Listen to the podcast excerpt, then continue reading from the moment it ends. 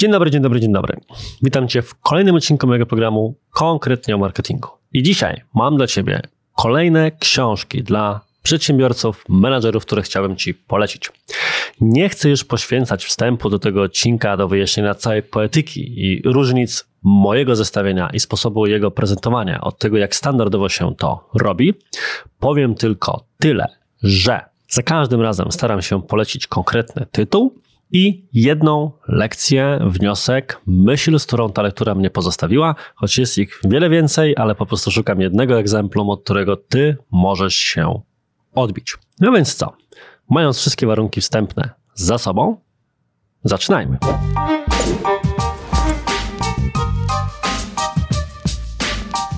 Pierwszą książką, którą chciałbym Ci polecić, a w zasadzie mógłbym trochę oszukać i powiedzieć, że chciałbym polecić całą serię, jest to książka Psychologia szefa, szef to zawód. Polecam ją z kilku powodów.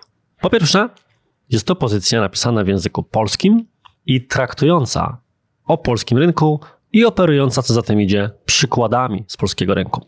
Bardzo często jest tak, że tymi najpopularniejszymi książkami dla zarządzających i nie tylko są książki z innego kręgu kulturowego. I choć jest wiele narzędzi, rzeczy, postaw w zarządzaniu, które są międzyrynkowe, o tyle specyfikę rynku uwzględnić jednak trzeba. I mówię o tym nieprzypadkowo właśnie w kontekście tego odcinka, ponieważ ta książka dokładnie taka jest. Jeden przykład rzeczy, którą będę chyba pamiętał do końca życia, o której piszą autorzy, to o polskiej kulturze narzekania.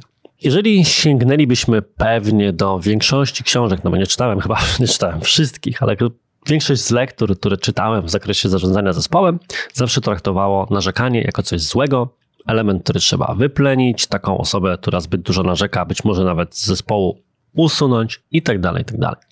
Tymczasem autor książki Psychologia szefa, szef to zawód, mówi o tym trochę inaczej. Mówi, stety, niestety, że narzekanie jest naszą typowo polską cechą, natomiast uwaga, narzekanie to objaw zaangażowania. Oznacza to, że dany pracownik widzi jakąś rzecz, która powinna się w organizacji zmienić i głośno ją komunikuje. Natomiast być może kiedyś próbował już coś z tym zrobić, ale nikt tematu nie podjął, stracił więc wiarę w sens próby zaopiekowania się tym problemem. Należy więc wychwytywać osoby, które są tymi narzekaczami, ale nie po to, żeby ich gasić, mówić, że mają nie narzekać i tak dalej, ale żeby próbować zaopiekować tę energię. I może się nagle okazać, że jeżeli poprosimy osobę, która na coś narzeka, na zaadresowanie tego problemu samodzielnie, bądź zajmiemy się zgłoszeniem tej rzeczy gdzieś dalej i pchnięciem rozwiązaniem danego problemu, to zyskamy, jak to się ładnie mówi w korporacjach, dobrego agenta zmiany, apologetę już wewnątrz zespołu i tak dalej, i tak dalej. Generalnie książka bardzo fajnie na przykład właśnie operuje takimi przykładami z polskiego rynku i rozumie polską specyfikę nas, naszych pracowników, naszej polskiej duszy. Jednocześnie zaś jest to książka, która bardzo dobrze operuje różnego rodzaju skryptami i przykładami, na przykład jak prowadzić rozmowy na konkretne tematy.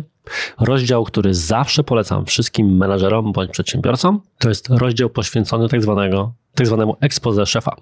Cały czas jest tak, że formują się zespoły projektowe czy inne, w których ludzie nie wiedzą, co będzie oceniane dobrze i doceniane, a jakie zachowania i nawyki będą karane bądź odbierane negatywnie. I trochę ciężko później ludzi rozliczać z czegoś, jeżeli im dokładnie nie wyjaśniliśmy, co de facto będziemy oceniać i co oceniamy pozytywnie bądź negatywnie, jak przygotować takie expose, co powinno się w nim znaleźć? I przykład takiej rozmowy, to wszystko znajdujemy w pierwszym rozdziale tej właśnie książki. Dość powiedzieć, że Psychologia Szefa, Szef to Zawód to książka, która jest w takim moim welcome packu. Dla każdej osoby, która w firmie zajmuje się zarządzaniem. Każda nowa osoba, którą awansowujemy wewnętrznie, na przykład właśnie na rolę menedżerską szefa jakiegoś zespołu, dostaje szereg książek i ta jest tą jedną pozycją o zarządzaniu, którą zawsze polecam jako pierwszą, nieprzypadkowo więc również ten odcinek o tym zacząłem. Książka numer dwa to książka, która nazywa się Radical Candor. Radykalna szczerość na polskim rynku ukazała się pod tytułem, jeżeli dobrze pamiętam, szef wymagający i zrozumiały. Więc troszkę e, daleko można byłoby powiedzieć od pierwotnego tytułu. Natomiast niezależnie od tytułu, sama książka jest niesamowicie godna polecenia. Dlatego, że jest świetnym miksem zarówno wątków, nazwijmy to mentalnych, jak należałoby podejść i myśleć o sobie jako osobie zarządzającej zespołem, jak również różnego rodzaju, jak też ładnie anglosasi mówią, actionable advice, czyli takich szybkich, gotowych do wdrożenia wskazówek.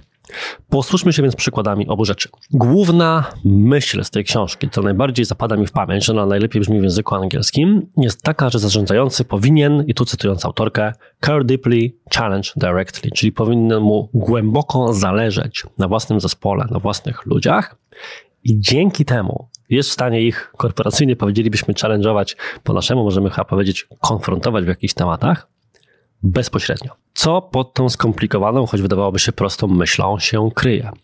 Otóż filozofia, którą promuje autorka, jest następująca. Jeżeli będziemy każdego dnia dbali o to, żeby zespół widział, że widzimy w nich ludzi, że zależy im na nich nie tylko jako na pracownikach, współpracownikach, ale także osobach, ale też na ich wynikach, ich rozwoju, temu jak działają, co robią. Będziemy ich, nawiązując do rekomendowanych lektur z poprzedniego odcinka, przyłapywać na tym, co robią dobrze, przyłapywać na tym, co robią źle i chcieć im poprawiać, to w sytuacji, w której będziemy musieli zaadresować coś, co jest do zmiany, będziemy mogli zaadresować to bezpośrednio i osoba, która wystarczająco często odczuje wcześniej, że zależy nam na niej, lepiej na taką rzecz zareaguje i będzie do niej lepiej otwarta. I cała książka jest de facto różnego rodzaju elementami e, tłumaczącymi właśnie taki punkt wyjścia autorki. Brzmi to dość, hmm, jakby to powiedzieć, ogólnie, więc jako potencjalna lektura, która ładnie coś opowiada, ale ciężko jest tego użyć w praktyce. Natomiast daleko od tego tej książce, ona właśnie jest wypełniona takimi konkretnymi scenariuszami różnych zachowań. Przykład. Jedną z takich właśnie prostszych rzeczy do wdrożenia od zaraz, którą zapamiętałem z lektury, jest nawyk szybkiego dawania feedbacku. O co chodzi?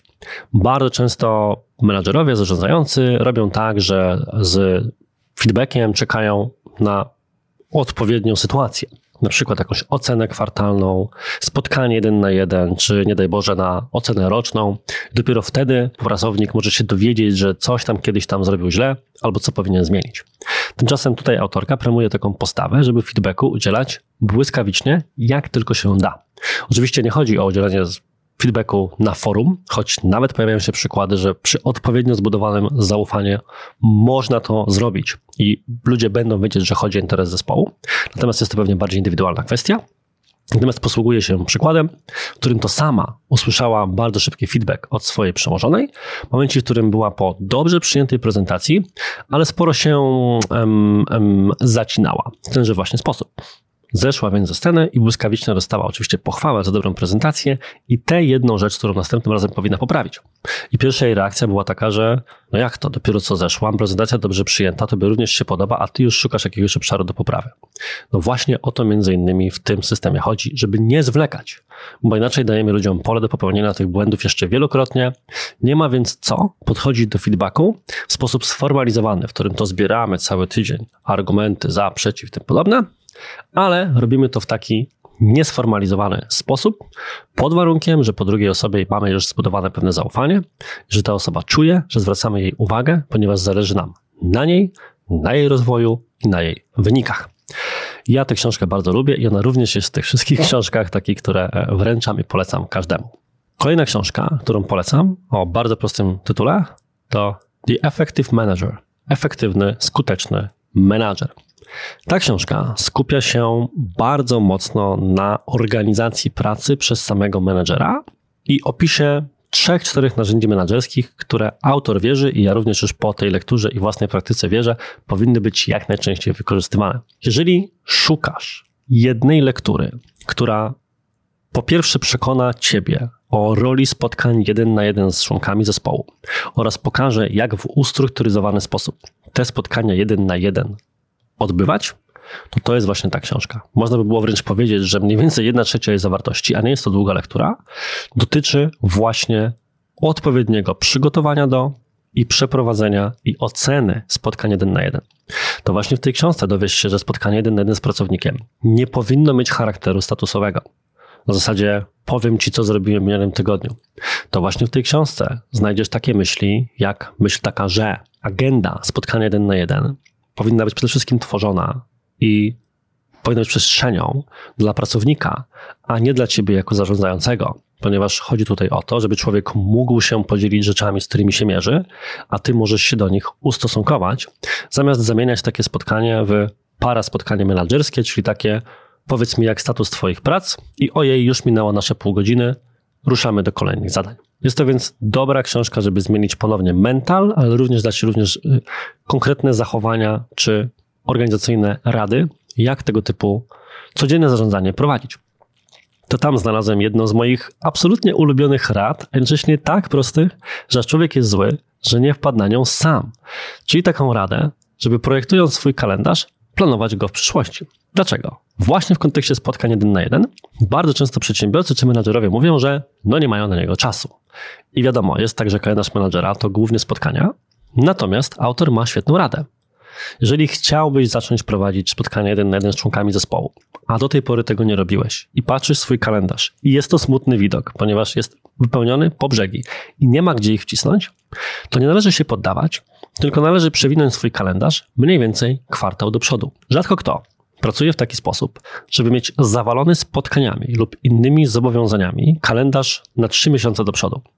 Wtedy jest więc tam względnie czysto i możesz tam zaplanować spotkanie jeden na jeden, bo wówczas wszystko wokół tych zaplanowanych spotkań będzie musiało się już magicznie ułożyć, gdyż one będą nieprzekładalne. O ile więc frustrujące będzie to, że nie możesz tej potrzeby zaadresować tu i teraz, to lepiej zrobić to za kwartał, niż za kwartał próbować zrobić to ponownie i siąść sfrustrowanym, że znów się nie da, bo znów kalendarz jest zawalony. Proste i genialne jednocześnie. I właśnie to bardzo cenię sobie w tej książce. Kolejna książka to The First 90 Days. Pierwsze 90 dni. Jest to książka przeznaczona dla ludzi w bardzo specyficznym momencie swojej kariery, a mianowicie osób, które zaraz obejmą bądź właśnie objęły nową rolę w organizacji. Szczególnie rolę menedżerską. Jednocześnie są to osoby, które raportują do kogoś wyżej i ta książka uczy, w jaki sposób ułożyć sobie współpracę nie tylko z własnym zespołem, ale przede wszystkim z tym szczeblem wyżej. Cóż, świat stoi na menedżerach liniowych, takich zarządzających mniejszymi zespołami i kluczowe jest, żeby taka osoba umiała nie tylko egzekwować wykonanie zadań, planów, codziennych operacyjnych rzeczy od osób bezpośrednio e, do niej raportujących, ale również zebrać, zaraportować i ustalić ścieżkę działania, której później będzie można się trzymać, do której będzie można się odwołać, do osób, które danego menadżera z tej pracy rozliczają. I ten drugi element jest tym elementem dużo mniej zaadresowanym w większości publikacji, które skupiają się po prostu na pracy z własnym zespołem. Więc można byłoby powiedzieć, że First 90 Days to jest książka, która uczy nas zarządzania własnym szefem, jego oczekiwaniami, e, stworzeniem wspólnie planu, umiejętnością później wracania do tego planu za każdym razem, kiedy szef, jak to szefowie mają zwyczaju, przyjdzie z 15 nowymi pomysłami do realizacji na wczoraj i tym podobne. Jednocześnie tak sobie myślę, że jeżeli jesteśmy na stanowisku specjalistycznym i mamy apetyt na jakąś ścieżkę rozwojową, zmianę, cokolwiek, to również jesteśmy w stanie, wchodząc do nowej pracy czy w nową rolę, także specjalistyczną, taki 90-dniowy plan opracować i później wspólnie z szefem o nim rozmawiać. To, co bardzo lubię w tej publikacji, to właśnie wątek odpowiedzialności, bo to nas uczy, że jesteśmy odpowiedzialni nie tylko za osoby, które z nami współpracują bezpośrednio, bądź są powiedzmy naszymi członkami zespołu, ale również za to, jak o nas będzie myśleć i czego od nas oczekiwać osoba, jakkolwiek by to brzydko nie zabrzmiało, wyżej w hierarchii i że mamy na to wpływ, żeby zarządzać jej oczekiwaniami. Więc mało jest pozycji, które są przeznaczone na, powiedzmy, to się ładnie mówi, middle level management, właśnie w zakresie trochę też takiej polityki biurowej, organizacyjnej, dlatego tę książkę gorąco polecam. I wreszcie tytuł ostatni. Coaching for Performance. E, oczywiście słowo coaching ma złą sławę, złą prasę e, i poniekąd słusznie, Natomiast możemy się odwołać do tego, czym prawdziwy coaching jest, czyli jakimś zarządzaniem czyjąś zmianą. Jest to jednocześnie coś, czym dobry menadżer zajmuje się na co dzień. Jego zadaniem, jakby nie było, jest pomóc ludziom się rozwijać. I ta książka prezentuje pewien model coachingowy, który nazywa się Grow. Jest to po prostu akronim od kilku słów występujących w tej pozycji bezpośrednio, jak goals, situation, possibilities i tym podobne, nieistotne.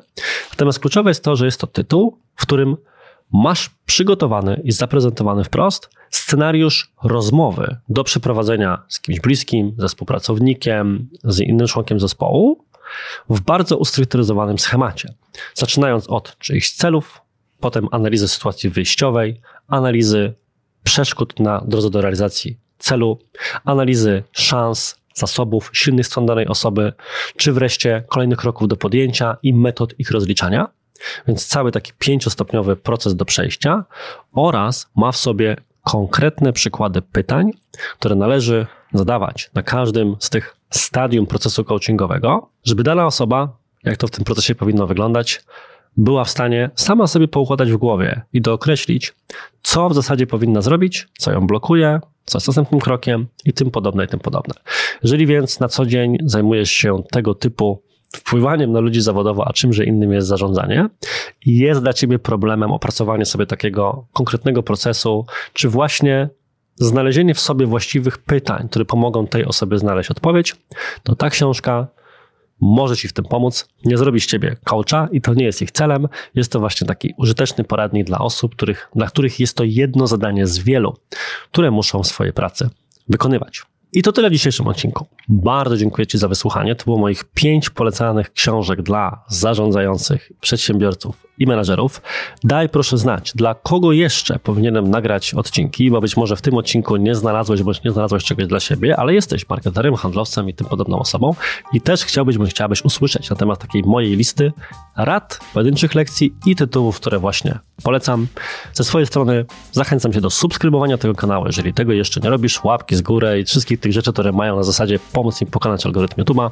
A tymczasem życzę Ci dobrego dnia, do usłyszenia bądź zobaczenia w przyszłym tygodniu i cześć!